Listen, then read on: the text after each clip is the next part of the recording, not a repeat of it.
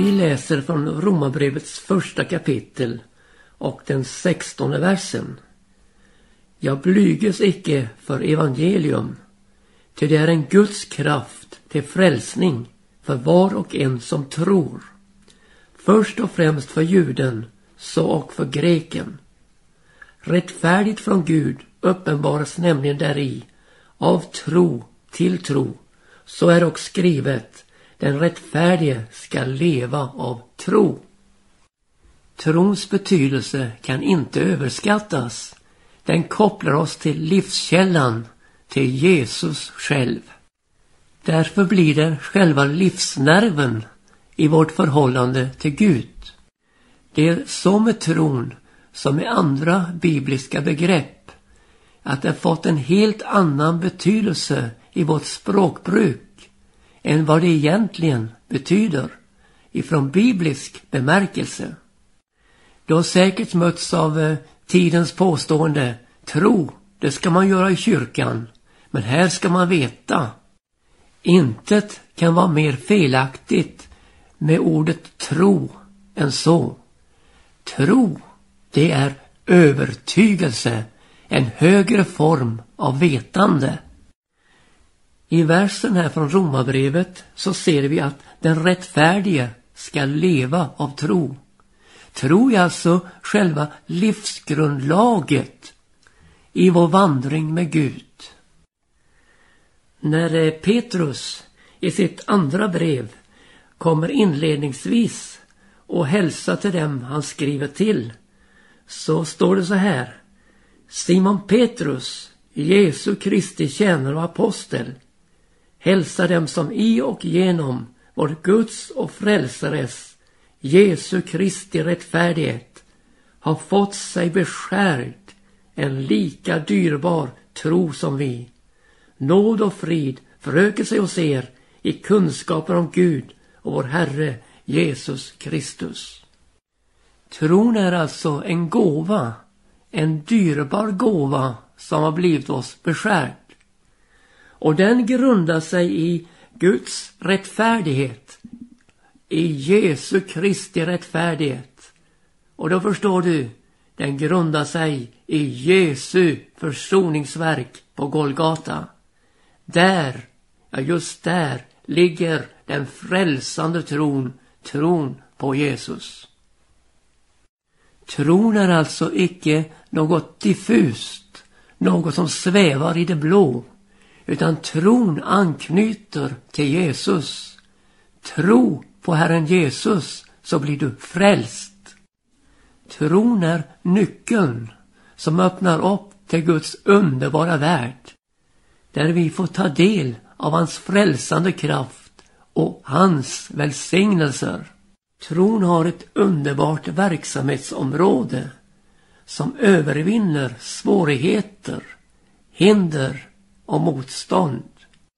Vi försöker med vår erfarenhet, kunskap, att efter bästa förmåga bemästra situationerna som uppstår. Men hur ofta ställs vi inte för det omöjliga? Men därmed är inte möjligheterna uttömda. Nej, vi har en underbar mästare i Jesus Kristus som förmår allt. Vi har många berättelser om detta i Bibeln, i evangelierna inte minst. Och där vår tro får en kraftig uppmuntran genom att läsa vad som har skett och ta det till oss att det kan ske också här och nu. Jag vill ta dig med till en sådan händelse ifrån Lukas femte kapitel och sjuttonde vers. Nu hände sig en dag då han undervisade folket att det sutte några fariser och laglärare. Sådana hade nämligen kommit dit från alla byar i Galileen och Judeen och från Jerusalem. Och Herrens kraft verkade så att sjuka blev botade av honom. Då kommer några män dit med en lam man som de bure på en säng och de försökte att komma in med honom för att lägga honom ned framför Jesus. Men då de för folkets skull inte kunde finna något annat sätt att komma in med honom steg de upp på taket och släppte honom tillika med sängen ned genom tegelbeläggningen mitt ibland dem framför Jesus. När han såg deras tro sa han, min vän, när synder är dig förlåtna. Då begynte de skriftlärda och fariséerna tänka så. Vad är denne för en som talar så hädiska ord? Vem kan förlåta synder utom Gud alena? Men Jesus förnam deras tankar och svarade och sa till dem. Vad är det i tänken, edra hjärtan? Vilket är lättare att säga, dina synder är dig förlåtna, eller säga, stå upp och gå. Men för att de ska veta att människor som har makt här på jorden att förlåta synder, så säger jag dig. Och så vände han sig till den lame. Stå upp, ta din säng och gå hem. Då stod han strax upp i deras åsyn och tog sängen som han legat på och gick hem prisande Gud. Och de greps alla av bestörtning och prisade Gud och sa full av häpnad vi har idag sett förunderliga ting. Denne lame man, han hade vänner, ja verkliga vänner, som förde honom till Jesus. Och under vägen uppstod ju en oerhört hinder när de såg folkskarorna och kunde inte tränga sig in på Jesus. Men så möter oss den här tron som inte ger upp. Tron på Jesus, den tro som verkas genom Jesus. Med fasta grepp fick de mannen upp på taket och släppte ned honom mitt framför Jesus. Och så kommer vi till detta förunderliga. När Jesus såg deras tro sa han, min vän, dina synder är dig förlåtna. Vems tro var det Jesus såg? Jo, dessa vänners tro, bärarnas tro. Och det är helt underbart att vi kan få vara med om att bära i rätt riktning mot Jesus i tro. Det väntade sig ett ingripande i hans lama kropp. Men Jesus hade långt mer att ge. Syndernas förlåtelse. Att Jesus har makt här på jorden att förlåta synder. Det visade sig i det att den lame mannen stod upp, tog sin säng och gick. Och jag själv märkt att det helbrägdagörelse under jag har fått vara med om och uppleva, där har den andliga sidan varit ännu starkare än den fysiska i kroppen. Ja, du vet Jesus, han har omsorg om hela människan. Och han är så intresserad i att vi ska få ett möte med honom med förvandling till hela vår varelse. Detta kan tron föra med sig. Tron på Jesus. Vi har i väckelsemöten sjungit med en underbar inspiration. Tro, bara tro. Allting är möjligt, blott tro bara tro. Men så har vi också en vers till på den sången som vi både börjar och slutar med och sjunger igen och igen. Jesus är här, Jesus är här. Allting är möjligt, ty Jesus är här. Ja, det var därför allting var möjligt. Det var därför vi skulle tro, bara tro. Tro på Jesus. Det finns en avart här och det är den att vi tror på vår egen tro istället för att koppla den till Jesus. Och då blir tron krampaktig.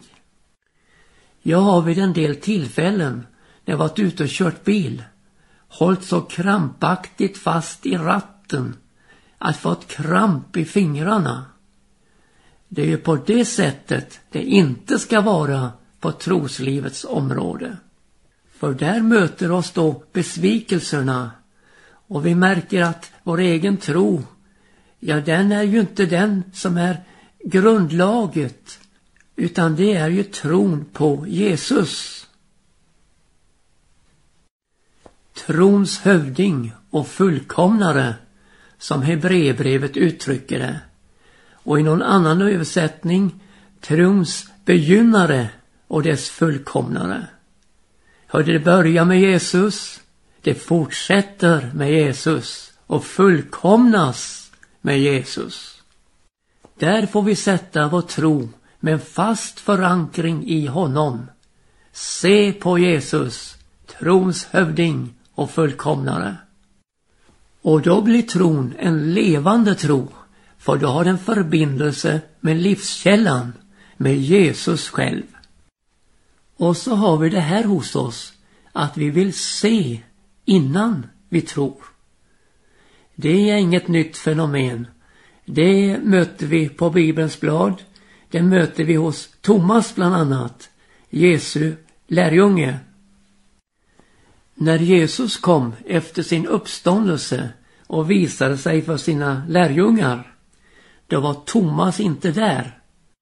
Men så kom han tillsammans med de andra lärjungarna och de berättar för honom att vi har sett Herren, vi har sett Jesus, han har varit här. Och då säger han att om jag inte ser hålen efter spikarna i hans händer och sticker mitt finger i hålen efter spikarna och sticker min hand i hans sida så kan jag icke tro det. Åtta dagar därefter så var lärjungarna samlade där inne igen och Thomas var då med bland dem. Och då kom Jesus medan dörrarna var stängda och stod mitt ibland dem och sa Frid vare med er. Och så vände han sig till Thomas och så säger han så här Räck hit ditt finger, se här är i mina händer. Räck hit din hand och stick den i min sida och tvivla icke utan tro. Thomas svarade och sa till honom Min Herre och min Gud. Jesus sa till honom Eftersom du har sett mig tror du. Saliga är det som icke se och dock tro.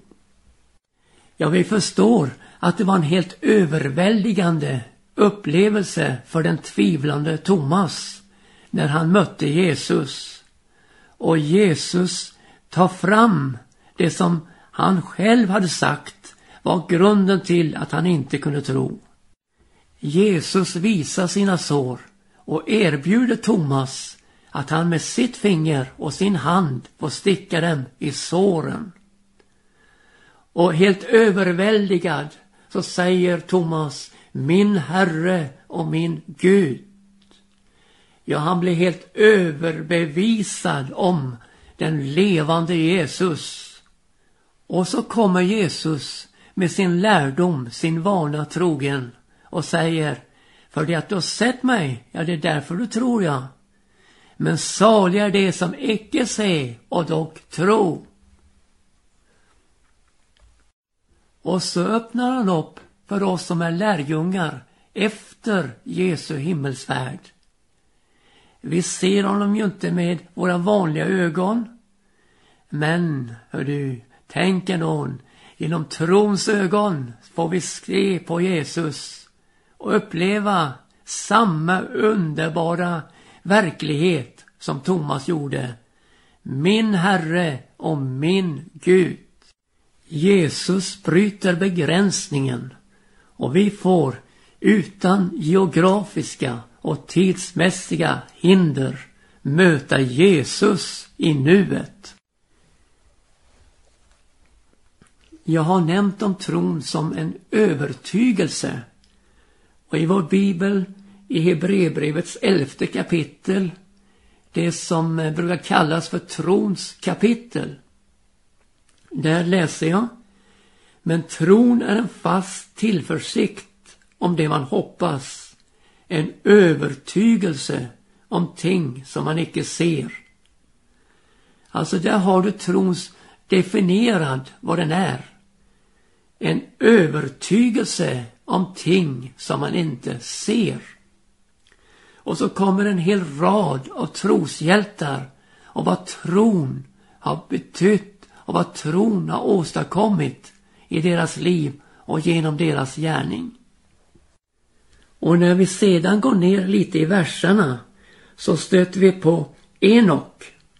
Han som vandrade i umgängelse med Gud. Där läser vi om hans trosvandring. Genom tron togs Enok bort för att han icke skulle se döden. Och man såg honom icke mer, till Gud tog honom bort. Förrän han togs bort fick han nämligen det vittnesbördet att han hade täckts Gud. Men utan tro är det omöjligt att täckas Gud. Till den som vill komma till Gud måste tro att han är till och att han lönar dem som söker honom. Du ser alltså vad tron betyder i förhållande till Gud. I att vara Gud välbehaglig. För otron och tvivlet har ju ställt sig i vägen och blockerat vårt förhållande till Gud. Ja, det är synden ja. Och det är i fråga om synd, sa Jesus, till de tro icke på mig. Där har du själva kardinalsynden. Det är att icke tro på Jesus. Hur kan det vara så? Jo, vi har ju ett syndaregister och vi har synder och överträdelser på alla områden. Men så är det så här vet du, att Jesus tog all vår synd på sig i sin kropp och bar det upp på korset. Så det är bortskaffat. Men så är det ju så att om vi inte tror på detta så är vi ännu kvar i våra synder. Och därför får just det här med tron på Jesus sån enorm betydning. Alltså tro på Jesus och vi blir frälsta. Om Kristus inte hade uppstått från de döda, Ja, då hade vi varit kvar i våra synder. Men så heter det så underbart triumferande i första Korinthierbrevets femtonde kapitel. Men nu har Kristus uppstått från de döda. Och däri ligger vårt trosförhållande och vår frälsning. Att vi får tro på denne Jesus som dog för våra synder och uppstod för vår rättfärdiggörelses skull. Vi har tidigare varit i andra Petrus brev och talat om från det första kapitlet att tron är en gåva, en dyrbar tro beskärd av Gud. I samma kapitel möter oss trons innehåll. Då det heter om att vinnlägger ner just därför på allt sätt att de i det tro bevisar dygd. I dygden kunskap, i kunskapen återhållsamhet, i återhållsamheten ståndaktighet, i ståndaktigheten gudsfruktan, i gudsfruktan broderlig kärlek, i den broderliga kärleken allmännelig kärlek. Ja, där har du trons underbara innehåll.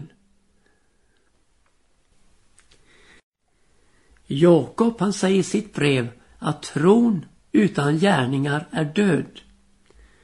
Och här har vi då alltså detta med eh, gärningarna, trons gärningar. Hur den liksom fyller på och utvecklas och framträder på ett underbart sätt som en frukt i våra liv. Vi kan alltså på detta sätt genom våra gärningar visa vår tro. Ja, visa på Jesus. Och Petrus, han fortsätter. Den åter som inte har detta, han är blind och kan icke se. Han har förgätit att han har blivit renad för sina förra synder. Ja, så allvarligt är det faktiskt med trons innehåll. Att det får utvecklas och fylla upp vårt inre så att vi har denna levande tro som hela tiden är utvecklingsbar. Ja, på det sättet att den styrks genom att se på Jesus. Han säger nämligen, ty om detta finns hos er och mer och mer förökas, så tillstädjer det eder icke att vara overksamma eller utan frukt i fråga om kunskapen om vår Herre Jesus Kristus. Det finns alltså behov i våra liv att tron får fylla oss med sitt innehåll. När det är en som frågar Jesus, vad ska jag göra för att utföra Guds gärningar? Svarar Jesus så här, detta är Guds gärning, att i tron på den han har sänt. Vi har våra gärningar vet du, hit och dit och vi värdesätter efter olika skalor och tycker det där var verkligen fint alltså. Men det handlar inte om vad vi åstadkommer och kan prestera. Det handlar om Guds gärning, nämligen att vi tror på den han har sänt, Jesus Kristus. Hur viktigt är det inte att vi kommer bort ifrån döda gärningar till att tjäna den levande guden. Och det gör vi genom tro på Jesus. Då kommer vi in på de förutberedda gärningarna, vilka Gud har berett för att vi ska vandra i dem. Vi har belyst här hur viktig tron är för vår frälsning, för vårt förhållande till Gud. Romarbrevet 10 är mycket klargörande. Det säger den femte versen. Moses skrev ju om den rättfärdighet som kommer av lagen, att den människa som övar sådan rättfärdighet ska leva genom den. Men den rättfärdighet som kommer att tro säger så. Du behöver icke fråga ditt hjärta, vem vill fara upp till himmelen, nämligen för att hämta Kristus ned.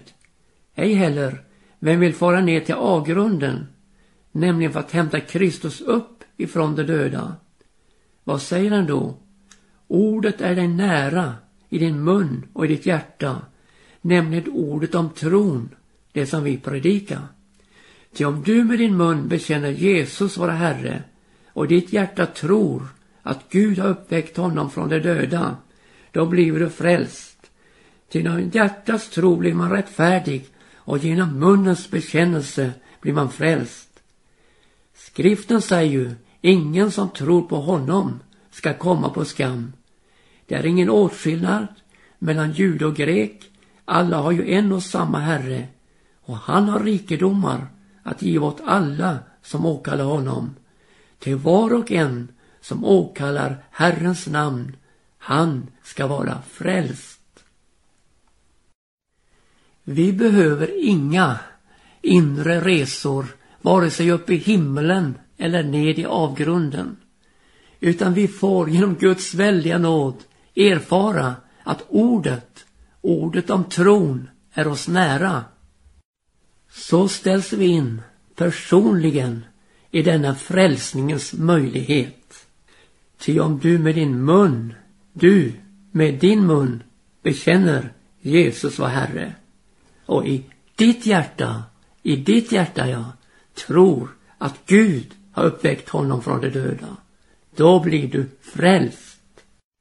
Helt underbart att Gud har gjort det så tillgängligt för oss och så nära att vi kan tro på Herren Jesus och uppleva denna underbara frälsning. Vi får åkalla Jesus namnet och så upplever vi det skriften talar om, en skriftenlig frälsning. Och så ställs förmedlandet av budskapet på sin spets. Det heter så här, men hur skulle det kunna åkalla den som icke har kommit till tro på? Och hur skulle skulle kunna tro den som icke hört? Och hur skulle skulle kunna höra om ingen predikade?